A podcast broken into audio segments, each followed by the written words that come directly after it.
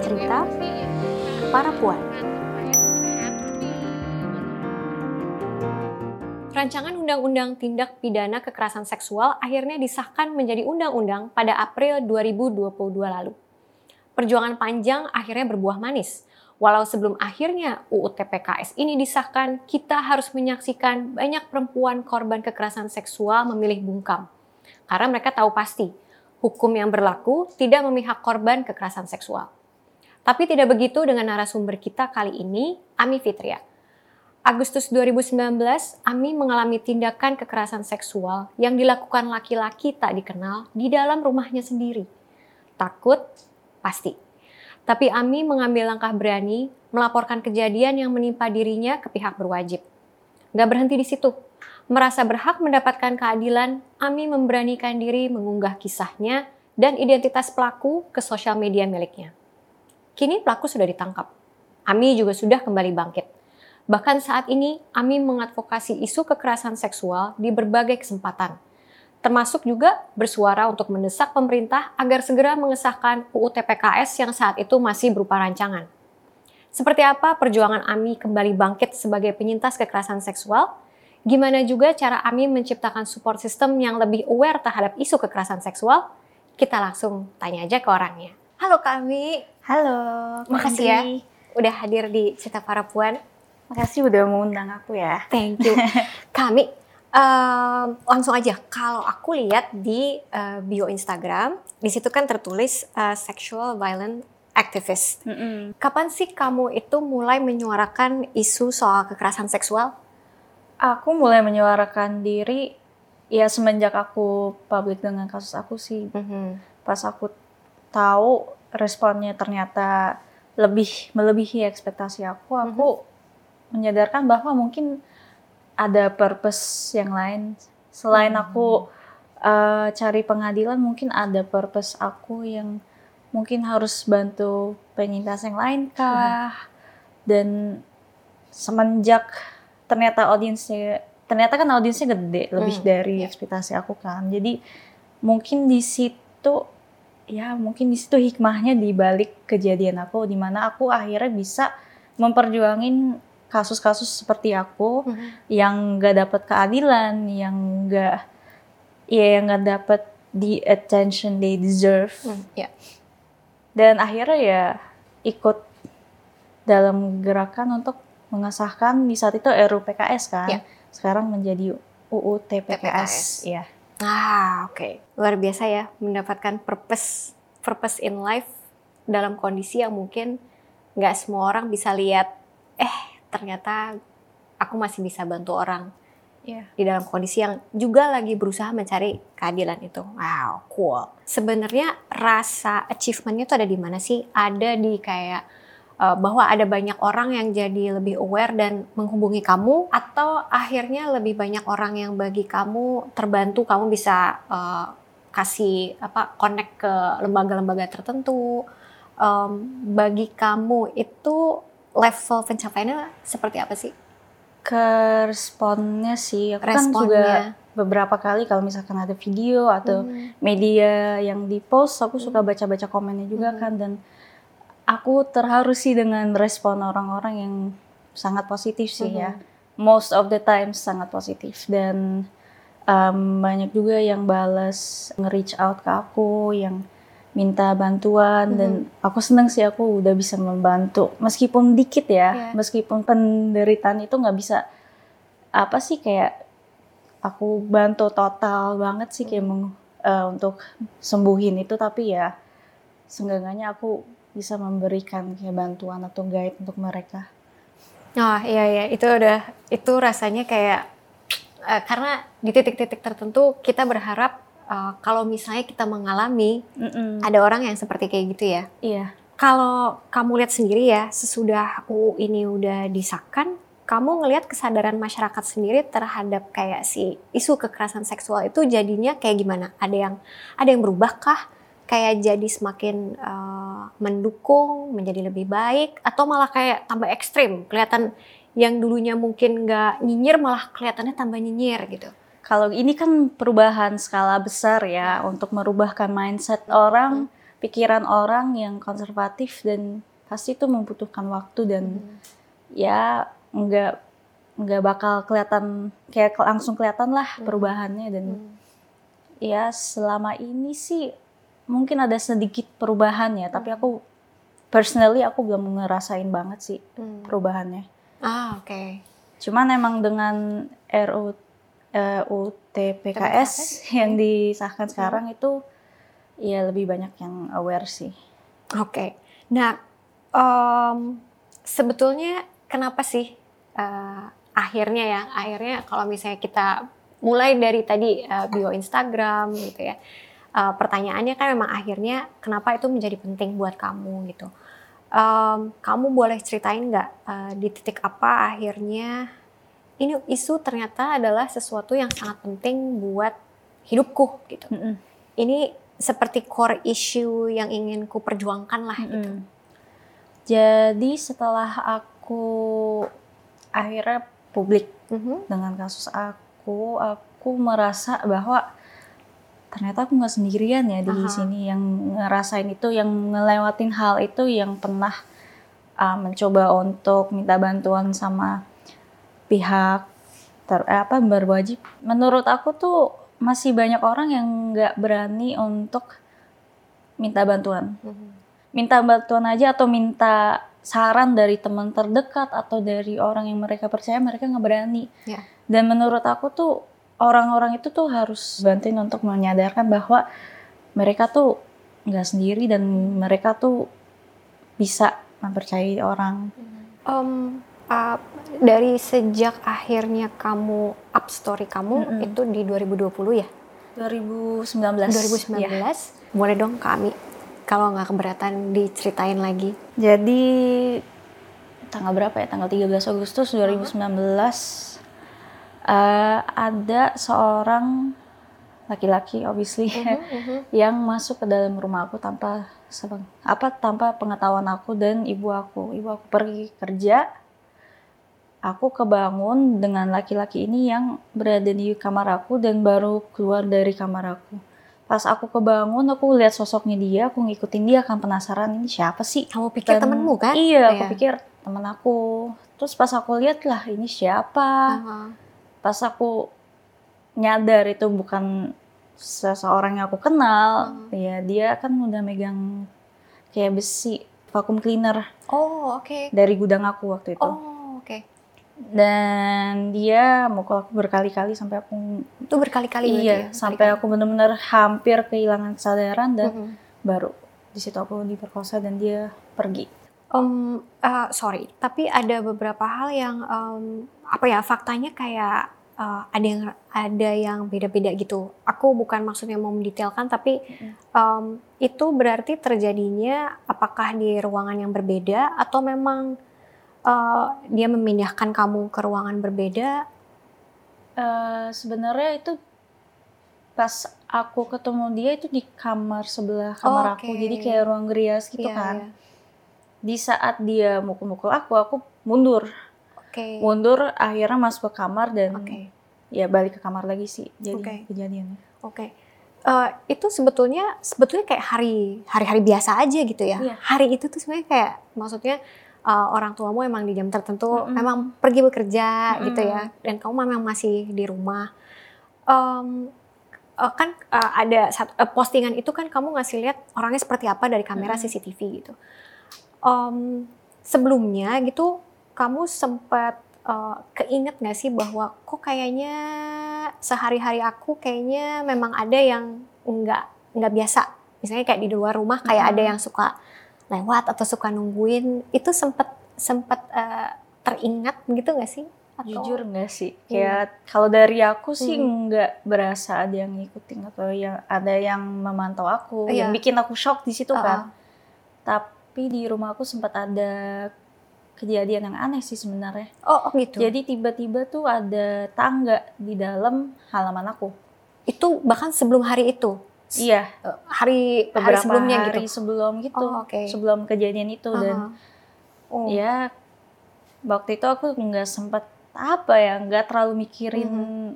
itu banget dan nyokap aku kira itu setan. Jadi Oh, ya. oke. Maksudnya Jadi- tangga itu misalnya kayak uh, biasanya ditaruh di mana, tiba-tiba ada di ruangan mana gitu. Mm-mm, itu. Hmm. Itu oke oke. Nah, em, mungkin di uh, di fast track dikit sesudah sesaat sesudah uh, insiden itu terjadi Hmm. gitu ya.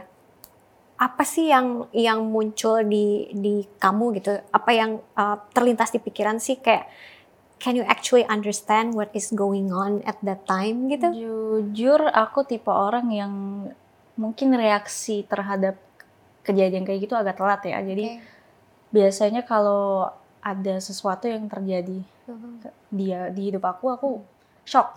Oke. Shocknya lama banget terus butuh beberapa hari untuk benar-benar memproses Mhm, dan kayak kayak apa ya kayak bener bener-bener kayak menyadarkan oh ini beneran kejadian ya Ya. Dan itu aku shock selama sehari dua hari gitu Hmm. baru setelah dua hari itu aku aku lagi desain lain Siti lagi lagi makan kan Hmm. lagi makan pancake kesukaan Iya, aku iya. terus tahu taunya pas eh, pacar aku meninggalin ke toilet Mhm. udah tuh deng semua kayak apa semua perasaan semua feeling aku datang dan aku kayak udah nggak na- nggak nangis histeris sih tapi Mhm. kayak breakdown di situ juga apa yang apa yang uh, perasaan apa sih muncul Uh, takutkah karena lalu ditinggal uh, orang yang biasa bikin aman tiba-tiba nggak ada kamu menyadari kamu tata sendirian kamu menyadari ternyata di sekeliling orang-orang tuh nggak kamu kenal um, ap- apa campur gitu? aduk sih sebenarnya antara hidup aku pasti udah berubah Oh, dengan kejadian ini oke. kayak Iya. Aku di saat itu kan langsung ngungsi di apartemen teman aku. Hmm, jadi aku hmm. nggak berani tidur di rumah. Dan eh, nyokap aku juga tidur di rumah saudara. Mhm. jadi rumah kita kosong tuh untuk sebulan dua bulanan lah. Oke. Dan aku ngerasain di situ bahwa pas aku sendiri di publik aku berasa takut takut dipantau takut ada orang yang ngikutin aku Ya. yang tadinya aku orangnya tuh suka jalan-jalan sendiri Mhm. aku suka beraktivitas sendiri dan eh, itu aja di saat itu udah nggak bikin aku nyaman lagi Hmm. untuk eh, untuk pergi sendiri untuk makan sendiri Mhm. untuk ngapa-ngapain sendiri tuh aku di saat itu takut dan Mhm. aku berasa itu satu hal yang si pelaku itu ambil dari aku Mhm. Mhm. kayak kebebasan aku sendiri untuk menikmati Nah, hidup iya. menjalani hari-hari gitu ya iya itu Em, tapi itu kan terjadi dua hari ya. Tadi kan kamu Iya. cerita eh, kamu pertama shock eh, dan memprosesnya itu breakdown yang tadi kamu bilang itu Iya. terjadi dua hari kemudian. Em, dari cerita kamu itu kan sebenarnya di hari H kamu eh, menurut aku itu sesuatu yang sangat berani loh untuk em, keluar Mm-mm. cari pertolongan gitu. Eh, Oke kamu menunggu dulu suasana sampai eh, Mm-mm. menurut kamu aman ya. Lalu kamu lari ke tetangga. Nah Mm-mm. Ah, ke itu itu muncul keberanian dari mana sih sebenarnya mi? Maksudnya nggak ad- tidak ada pertimbangan kayak em, karena kalau aku ketemu sama eh, ya kawan puan lain lah ya Hmm. yang pernah mengalami kekerasan seksual, biasanya mereka tidak akan langsung mau cerita ke orang, Mm-mm. Em, minta bantuan juga eh, lebih banyak pertimbangannya gitu. iya Tapi kamu berani ke tetangga dan berarti kan cerita ya? Mm-mm. It- sebenarnya ada faktornya si pelakunya juga Oh, eh wak- di saat dia meng dia nggak mengancam aku sih tapi kayak memukul aku dia kan megang pisau juga Mhm. jadi di pikiran aku tuh aku harus eh, dia tuh udah tahu keberadaan rumah aku di mana Iya. Sedangkan aku nggak tahu dia kembali kapan enggak Oke. dia larinya ke mana pun aku juga nggak tahu jadi aku berasa kalau aku lari ke tetangga nih aku bakal aman Oke. dan kalau aku lari ke tetangga tetangga aku bisa ngabarin nyokap aku yang di saat itu kan nggak tahu apa-apa Mm-mm. takutnya kalau dia balik terus aku pergi dan dia nggak tahu apa-apa orang itu balik lagi dan aku Hmm. nggak mau hal itu terjadi Hmm. jadi aku langsung eh ya melaporkan insiden itu sih Mi itu hebat banget loh. Bahwa em, kamu eh, masih berpikir bahkan sampai kalau ibu aku pulang eh, nanti kalau ada apa-apa dia akan ini gitu. Em, Bisa di saat seperti itu pun kamu masih uh, mikirin orang lain ya di saat shock kayak gitu. Mm-mm. Uh, waktu akhirnya di hari yang sama kamu lapor ke polisi, itu memang karena usulan uh, tetangga kah atau memang kamu yang minta uh, mau ke polisi? Eh, dari dari aku juga minta Oke. dan dari ibu aku juga Hmm. suruh lapor sih ke polisi. Mhm. Karena kan aku nggak tahu itu orangnya siapa, Iya. datangnya dari mana. Mhm. Jadi menurut aku tuh harus diusul itu Mhm. harus dicari tahu sih itu siapa karena ya siapa tahu dia lari ke tetangga lain, Iya, iya. dia masuk ke rumah orang lain Iya, dan iya. ya kita nggak tahu dia eh, bakal ada berapa korban lagi Mhm, setelah itu, mhm. setelah aku. Ya, waktu ke polisi itu em, apa? Ada kayak eh, sempat dicek dulu kah Mm-mm. gitu? Se- Apa namanya? Secara Di fisik di, visum, di visum? Iya. Di visumnya itu di rumah sakit atau Iya. di? Berarti ke rumah sakit dulu? Jadi ke kantor polisi dulu. Oh, kantor polisi dulu. Habis itu di BAP, Mhm. habis di BAP aku di visum. Oke.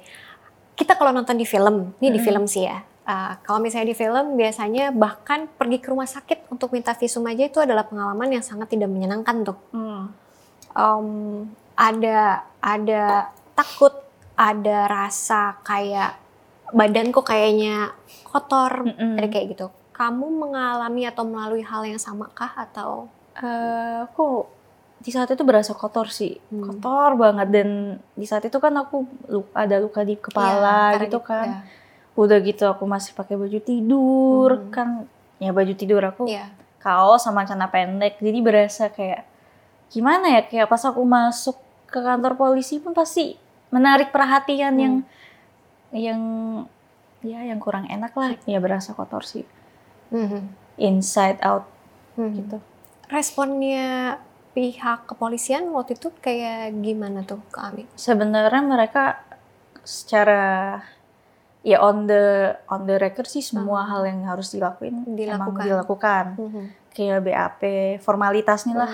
Mhm. cuman mungkin mungkin bisa lebih diimprove lagi ya kayak simpati terhadap korban Mhm. karena di saat itu aku berasa kayak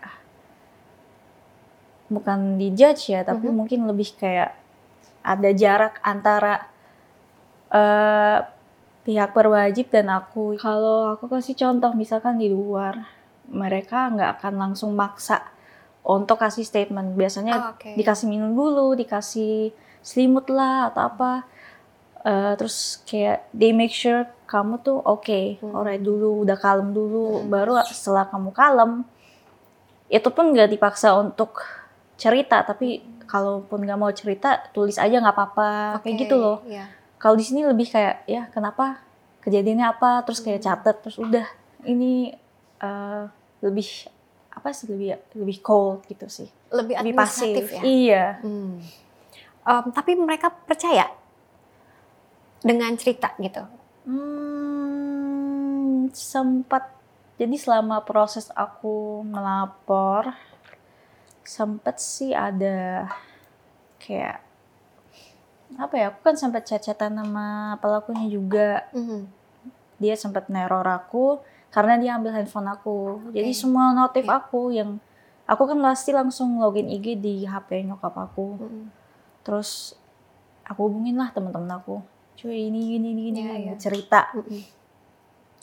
dan notifnya masuk dan dia kayaknya baca Iya. akhirnya dia DM aku terus di situ aku aku berasa oh ini dia orangnya nih kayak jangan sampai dia lolos jangan sampai dia hilang Mhm. kayak sebisa mungkin tuh kita harus kayak tetap mancing dia gimana cara mancingnya ya mungkin ngomongnya nggak terlalu agresif mungkin nggak terlalu ngata-ngatain sebenarnya aku kan pengennya ngata-ngatain dia Iya kan. gini Iya, gini gini, gini. iya tapi sih? supaya dianya nggak hilang aku harus kayak kayak apa ya kayak mancing dia kayak coba untuk berkomunikasi dengan dia walaupun aku nggak mau Iya. dan sama pihak berwajibnya sempat dianggap oh kamu mah ini kenal sama orangnya cuman Oke. sebenarnya kalau aku kenal aku ngapain lapor gitu Iya, loh iya, iya. Waktu itu kamu sempat nangis nggak waktu cerita ke Ami? enggak sih Enggak. enggak mungkin karena itu ya aku Mhm. dilihatnya kayak ini kayaknya enggak ini bener nggak sih karena aku masih dalam keadaan shock. Iya. aku pun pas dijemput teman aku dari rumah saudara aku nggak nggak berasa sedih atau takut sama sekali. Masih yang kayak Masih, uh, ah serius nih? Kejadian Masih processing ya? terjadi? Iya. Masih bercanda sama sahabat aku. Padahal sebenarnya orang-orang biasa tuh udah kayak nangis udah breakdown tapi Iya. ya mungkin respons aku Iya. beda ya kali. Kamu mikir first things first dulu iya. Kayak yang penting sekarang gue lapor. Iya. Lapor dulu gitu ya. Makanya akhirnya jadi tetet tetet Iya. tetet beres. Tetetetet, beres. Abis itu baru. Baru. Ini Anjir, iya. apa? Oh, oke oke. Kami tadi kamu sempat cerita bahwa karena kejadian itu terjadi di rumah tempat yang sebetulnya harusnya jadi tempat aman. Mm-mm. di kamar lagi ya. Private private space-nya kamu Iya. banget. Akhirnya kamu butuh tadi waktu sebulan lebih dari Lebih. sebulan sih iya. Lebih dari sebulan untuk untuk masuk lagi. Mm-mm.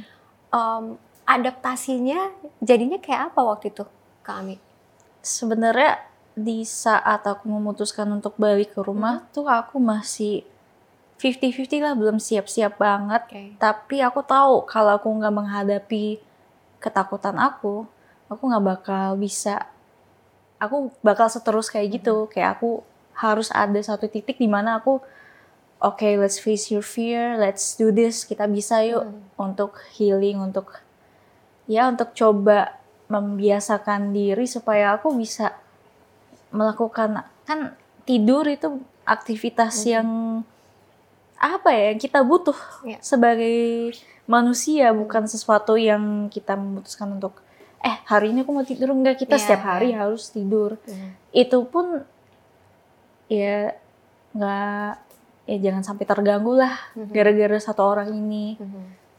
jadi aku harus memberanikan di- diri untuk bisa tidur sendiri, untuk bisa kayak bangun tapi nggak takut. Iya, Iya. iya, oke. Em, dan itu pas balik ke rumah langsung tidur sendiri atau kayak mungkin ngajak orang untuk barengan dulu deh Iya, sempat tidur. temenin sih. Di Kamar tetap sama atau akhirnya kamu rombak, kamu ganti, eh tetap sama sih. tetap sama. Oh, Iya. hebat banget sih, Mi. Em, tapi akhirnya eh, berapa lama tuh teman-teman atau atau keluarga eh, masih barengan di kamar sampai akhirnya Sebulan lagi sih Sebulan jadi. lagi. Jadi bulan pertama aku stay di apartemen Mhm. temen aku. Iya. Eh, habis itu bulan kemudian aku magang syuting film. Setelah itu aku sebulan lagi lah membutuhkan sebulan Hmm. lagi untuk bisa tidur sendiri untuk bisa dilepas. Hmm. Itu pun masih yang kayak jangan tinggalin aku dong. Iya. Ya, bisa bisa bisa. yuk." Oh. Dan di eh, sepanjang masa itu kamu berusaha kayak em, menyembuhkan diri kah atau lebih banyak eh, berusaha masih processing eh, emotion, situation atau Berusaha untuk menyembuhkan diri sih. oh oke Mungkin karena kerjaan aku juga eh, membutuhkan aku untuk jalan-jalan, cari cari properti ya. Mhm. mau nggak mau aku harus berani untuk jalan keluar sendiri dan dari situ sih aku mulai terbiasa lagi untuk Mhm. jalan pergi untuk ya tetap was-was sih kayak melihat sekitar perhatiin sekitar tapi enggak keparnoan aku Hmm.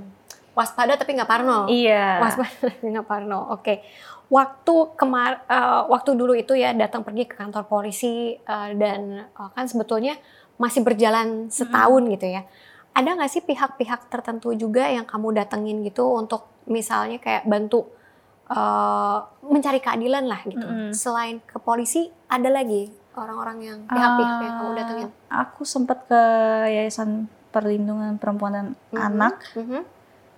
cuman dari situ juga belum dapat apa ya keterlanjutan dari kasus aku sih Sebetulnya kalau de- kalau dengar dari cerita kamu gitu ya, em, untuk seorang korban sama sekali nggak mudah ya. Maksud Sulit aku sih, ya. mencari mm, mencari keadilannya, Mm-mm. eh, closure-nya, khususnya mencari keadilan ya. Mm-mm. Em, ke polisi susah, ke lembaga tertentu belum tentu sampai eh, sampai beres juga. Itu itu sebenarnya jadi kritik buat kita juga sebetulnya ya. Iya sih, jadi mungkin kalau dari proses itu kan penyintas-penyintas yang lain yang tahu oh kalau misalkan aku lapor aku nggak bakalan dapat respon. Iya. di saat itu ya karena Iya. di saat itu eh, eh, apa sih peraturan dan hukum kita belum bisa melindungi Mhm. korban kekerasan seksual tapi Mhm. di saat itu juga apa ya kayak aku berasa kayak berada di roller coaster of emotions dan harus menghadapi uh, pihak berwajib dan kasusnya nggak lanjut-lanjut. Dan akhirnya aku sempat menemuin informasi tentang si pelakunya sendiri kan akhirnya. Dan itu pun juga nggak cukup. Menurut polisi itu nggak cukup. itu iya di saat itu aku masih membutuhkan saksi lagi. Apa saksi dari pihak si pelakunya yang agak susah Kan tadi kamu sempat cerita bahwa pelaku itu bahkan eh, di malam hari itu terjadi Mm-mm. dia udah menghubungin. Iya. Karena eh, dia udah sempat dapet tuh notifikasi dari Instagrammu.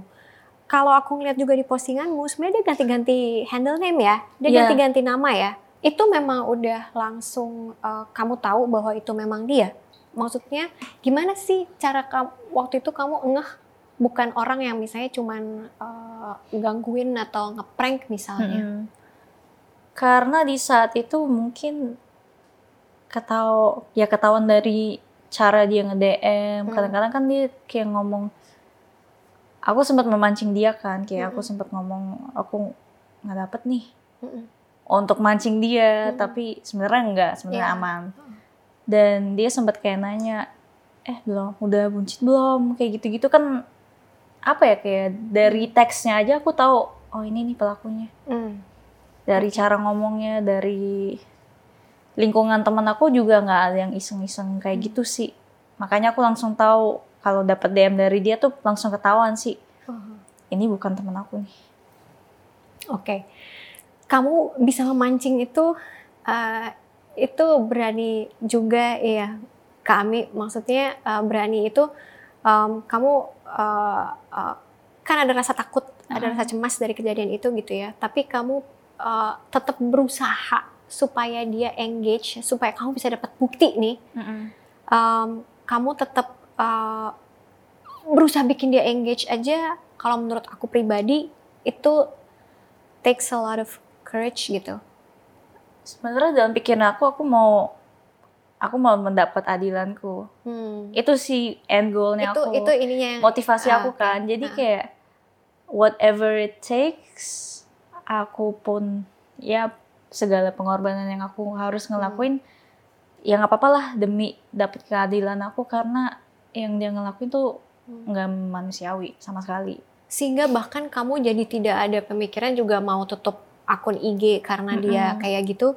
Nggak terus enggak justru karena dia masih engage aku masih kayak oke ini orang masih bisa dimancing nih ini Hmm. orang masih bisa aku apa sih aku coba untuk dapat sendiri.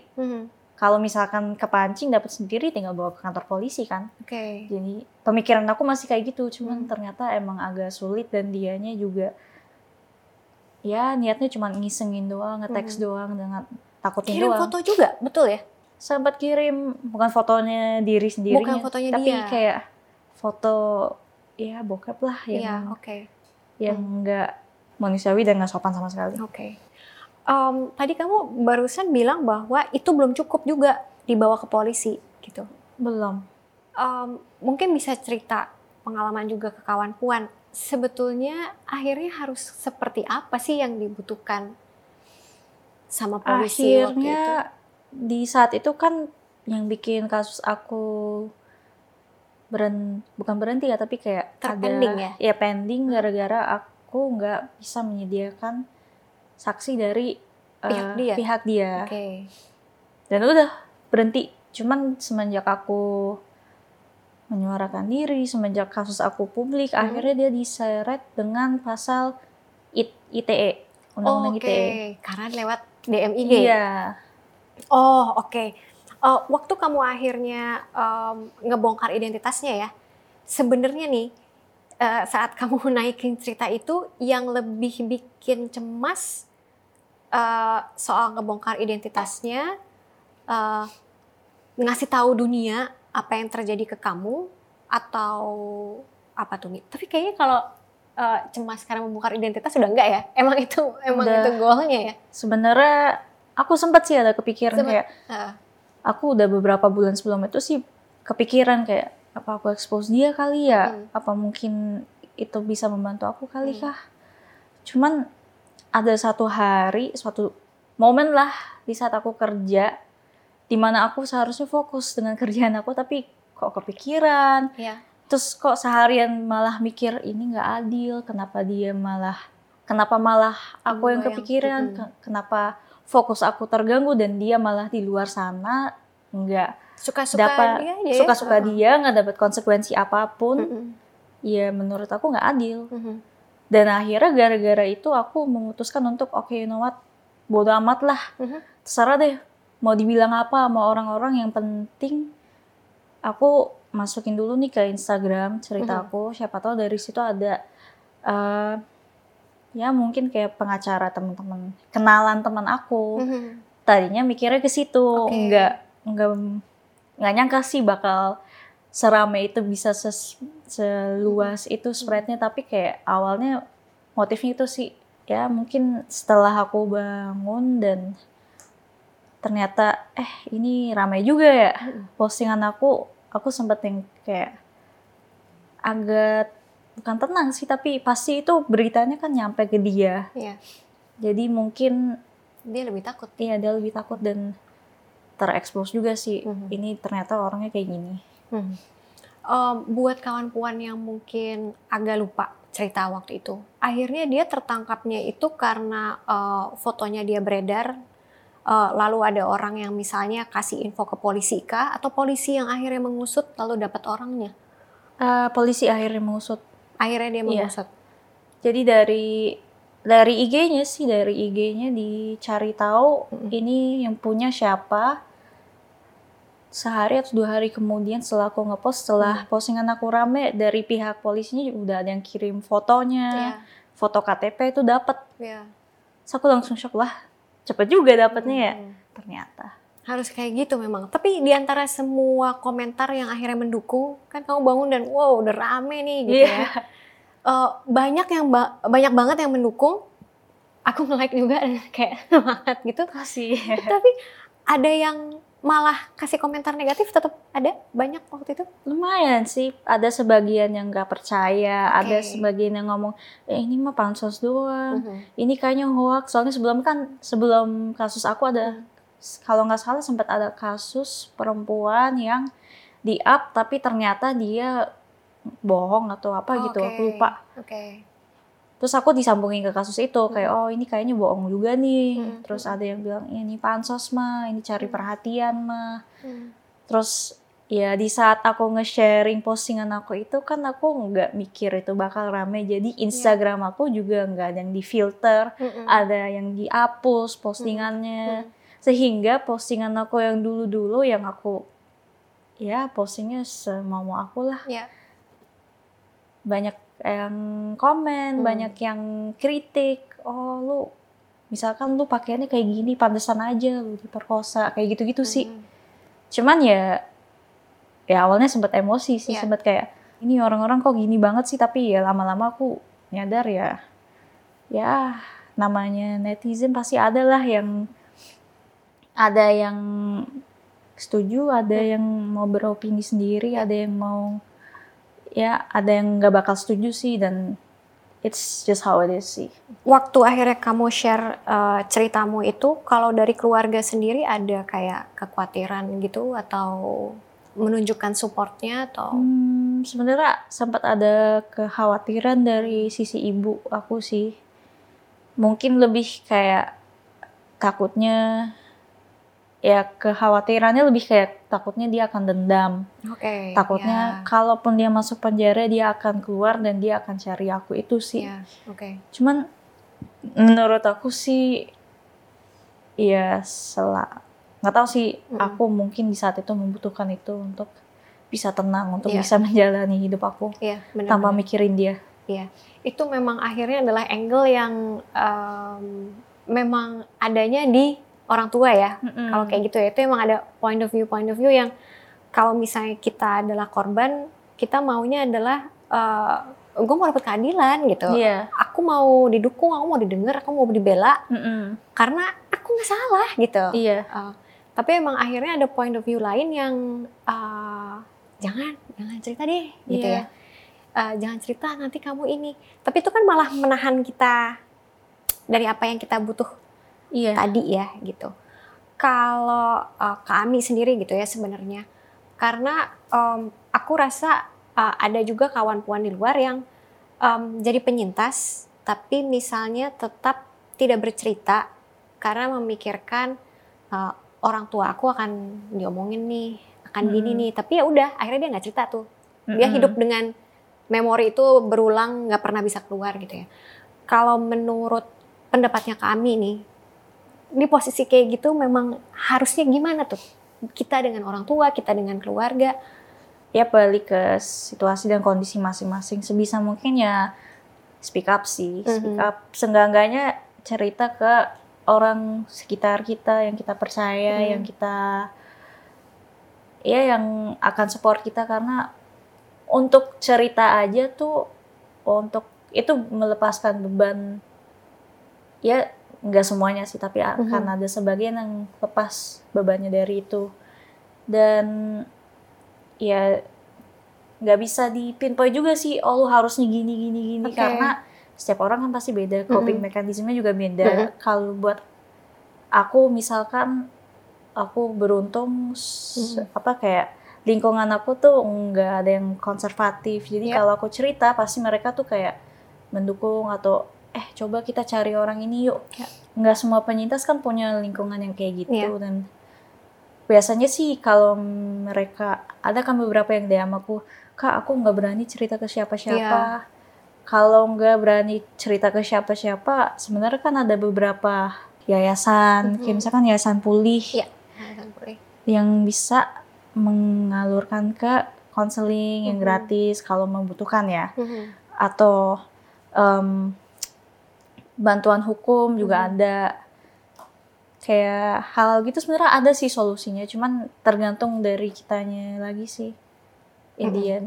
apakah apa sih yang bikin kita lebih tenang apa kita harus cerita apa kita harus em, expose orang ini tapi yang penting sih ya menurut aku kita punya at least satu orang lah yang kita percaya Hmm. yang memvalidas memvalidasi kita dan mendengarkan kita sih. Oke. Setelah udah tiga udah tiga tahun nih, udah tiga tahun berlalu. Hmm. Eh, ada nggak sih kami akhirnya yang kamu sadari bahwa sejak kejadian itu aku tetap berubah.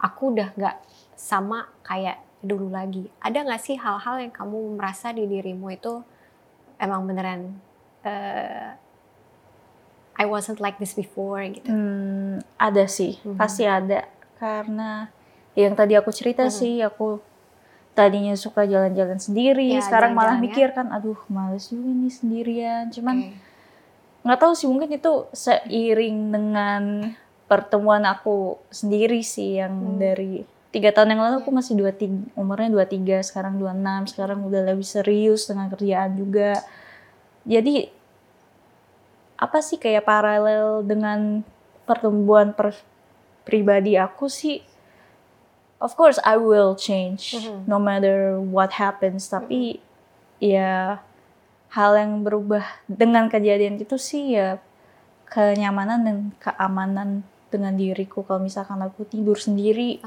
kadang-kadang masih ada lah momen-momen di mana aku dengar sesuatu terus kayak itu apa sih? Mhm. kunci pintu deh. Atau kayak kayak suka apa ya lebih aware dengan suara-suara di sekitar aku kalau malam-malam atau kalau lagi sendiri. Pasti agak was-was gitu sih. Kayak sekarang ini kamu merasa udah lebih aman di bermasyarakat atau em, masih agak yang kayak tadi kamu cerita itu yang "Hmm, nggak usah lah pergi jalan-jalan. Hmm, sebenarnya ya 80 20 sih 80% mas Hmm. udah aman Mhm. tapi masih ada 20% itu tuh yang agak Mhm. aduh kalau misalkan aku jalan sendiri di jalanan tuh masih agak mikir ada yang liatin nggak ya ada yang Oke. ngikutin nggak ya gitu loh kalau misalkan aku harus jalan kaki nih Mhm. aku lihat dulu nih jalan kakinya di mana Oh, apakah oke. Ya, jalanan ya, itu ya. sepi Ya. kalau sepi dan gelap aku pasti mikir lagi sih. Mm-hmm. Make sure aja aku berada di tempat yang aku nggak sendiri banget dan ada yang ya kalau ada sesuatu yang terjadi dengan aku aku bisa lapor ke misalkan sapam ya. atau ada warga-warga sekitar gitu. Oke, okay. cool ya. Yeah. Nah, um, kami uh, menurut kamu nih ya, um, apa sih yang perempuan harus lakukan sebenarnya untuk melindungi haknya, melindungi dirinya supaya terhindar dari kekerasan seksual? Dan mungkin ini pertanyaan nyambungnya jadi apakah kita itu angle-nya memang harus uh, berusaha menghindarkan diri, mm-hmm. mencegah, atau memang um, harusnya kita melakukan kegiatan kita aja hari-hari. Pihak sana tuh, pihak laki-laki yang um, menjadi ya mereka yang melakukan kekerasan seksual itu yang harus uh, di stop, itu yang harus diedukasi laki-lakinya. Mm-hmm. Kalau kamu sendiri pendapatnya jadinya gimana? Jadi sebenarnya iya, kalau misalkan untuk meng, apa ya menghindari mm-hmm kejadian itu kan agak susah sih karena okay. itu ya kekerasan seksual pasti dari pelakunya juga kan. Okay.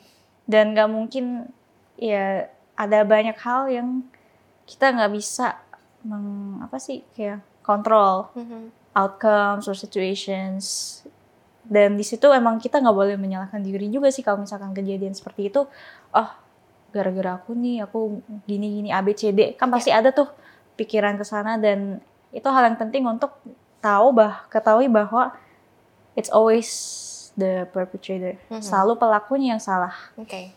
dan untuk ya mungkin untuk menghindar nggak bisa ya kalau mm-hmm. emang kalau emang pikirannya udah udah nggak benar yeah. udah moral kompasnya udah rusak lah ibaratnya ya itu balik lagi ke masing-masing orang-orang kan cuman hmm. kita bisa membahas oh, kekerasan okay. seksual dengan lingkungan kita kita bisa um, kalau misalkan kita menjadi seorang ibu juga atau we can tell other mothers yang punya anak untuk mengedukasi anak-anaknya supaya anaknya tahulah what's right and what's wrong. Hmm. Okay. Gitu sih paling. Jadi memang menghindari itu uh, sulit ya tadi itu. Mm -hmm. Tapi yang bisa kita lakukan adalah akhirnya uh, menyuarakan dan mulai mengedukasi iya, uh, masyarakat dari sekarang mm-hmm. supaya bukan lagi terhindar bahkan nggak ada lagi kata terhindar ya iya. semuanya jadi lebih lebih tahu hak dan kewajibannya iya. mungkin oke okay. nah kalau menurut kamu apa yang uh, sebaiknya orang uh, harus lakukan gitu ya untuk bisa menciptakan support system yang baik um, soal isu kekerasan seksual? Sebenarnya ada dua poin yang dua poin yang paling penting itu memvalidasikan dan mendengar. Oke. Okay. Karena banyak banget korban-korban yang nggak didengar, bahkan pun nggak divalidasi, kayak hmm. nggak hmm. dikasih kepercayaan, dan itu hal yang penting yang step pertama lah yang kita harus yang kita butuh untuk berasa nyaman dan untuk berasa nyaman untuk cerita lah. Percaya bahwa dia punya cerita yang kita sebetulnya perlu mm-hmm. dengarkan juga. Kalau misalnya um, ada nggak kalau misalnya dari kami gitu ya, mungkin pesan buat kawan puan yang um, mungkin juga uh, jadi penyintas kekerasan seksual, karena ada yang bilang semua perempuan itu paling tidak pasti pernah mengalami kekerasan seksual, apakah itu verbal, mm-hmm. apakah itu secara psikis gitu ya uh, kami ada pesan nggak buat kawan puan yang juga jadi penyintas yang mungkin masih ada yang belum berani cerita, mungkin ada yang sudah bercerita tapi merasa belum cukup didengar, mm-hmm. belum cukup dapat keadilan, mungkin kami ada pesan-pesan. Sebenarnya kalau di situasi kayak gitu ya, it's best to do what's right for you gitu. Hmm. Jadi whatever you feel comfortable with kalau misalkan butuhkah kamu cerita atau nggak nggak semua orang harus misalkan speak up ke publik? Bisa cerita ke orang lain kah? Bisa kalau nggak berani dengan lingkungan sendiri bisa ke konseling lah ya yayasan pulih kan ada misalkan nih. Dan ya sebenarnya there's no pressure in harus cerita harus come out harus kayak go online review story itu kan contoh doang kayak Hmm. misalkan aku tapi ya know that you're not alone and there's a lot of people yang bakal support kalian juga. Kalau uh, pesan mungkin buat uh, kawan puan yang apa rasa keamanan diri dan rasa um, self worthnya, percaya dirinya um, nggak ada, mungkin kami ada um, input uh, saran atau support yang bisa dikasih. Kalau kekerasan seksual itu selalu pelaku yang salah. Jadi jangan sampai kalian mikir itu salahnya kalian nggak nggak sama sekali karena di dalam kasus seperti itu pasti yang salah pelakunya. Kalau ya orang yang religius bakal mikir aku dosanya apa ya Ya, sampai digituin. Tapi sebenarnya ya life wouldn't give you all these struggles kalau if you wouldn't be strong enough to handle it. Itu pertama yang aku percaya dan kedua jangan sampai doubt yourself karena you're you're strong enough to be here, you're strong enough to keep on going dan it's I think it's already a wonderful thing kalian masih bisa bertahan sampai saat ini. Ah, cool. Kami terima kasih banyak ya. Terima kasih juga ya. Dan kayaknya kalimat terakhir itu juga rasanya uh, encouragement yang oke juga buat kawan puan yang mendengarkan dan juga buat kami loh bahwa wow sampai di titik ini itu luar biasa banget semua keberanian dan uh, semua usaha loh sebetulnya. Thank you ya kami ya. udah mau cerita, udah mau berbagi. Kasih Terima juga kasih. udah mengundang aku. Thank you, thank you.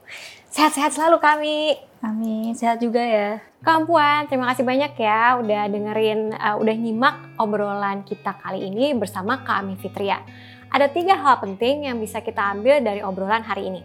Yang pertama, kalau kita mengalami kejadian yang gak menyenangkan, cerita atau bersuara bisa jadi salah satu cara buat meringankan beban yang kita rasakan. Untuk menceritakan situasi yang gak enak itu pasti sulit. Tapi paling nggak coba deh cerita ke satu orang yang kamu paling percaya. Kalau masih sulit juga untuk bercerita ke seseorang, kamu bisa uh, datang ke yayasan perempuan atau ke platform-platform yang bisa menyediakan ruang aman buatmu. Salah satunya adalah para puan. Yang kedua, kalau ada teman yang sudah memberanikan diri untuk bercerita, dengarkan dan validasi perasaannya. Percayalah bahwa dia punya cerita. Yang ketiga, dalam kejadian tindak kekerasan seksual yang selalu salah adalah pelakunya. Jangan salahkan dirimu sendiri. Jangan salahkan diri kita. Percayalah bahwa uh, kamu nggak sendiri dan kamu sangat hebat karena sudah bisa sampai di titik seperti sekarang. Sekali lagi terima kasih kawan puan udah menyaksikan podcast cerita para puan kali ini. Jangan lupa komen, jangan lupa uh, like dan subscribe channel ini. Sampai ketemu lagi di episode berikutnya. Bye!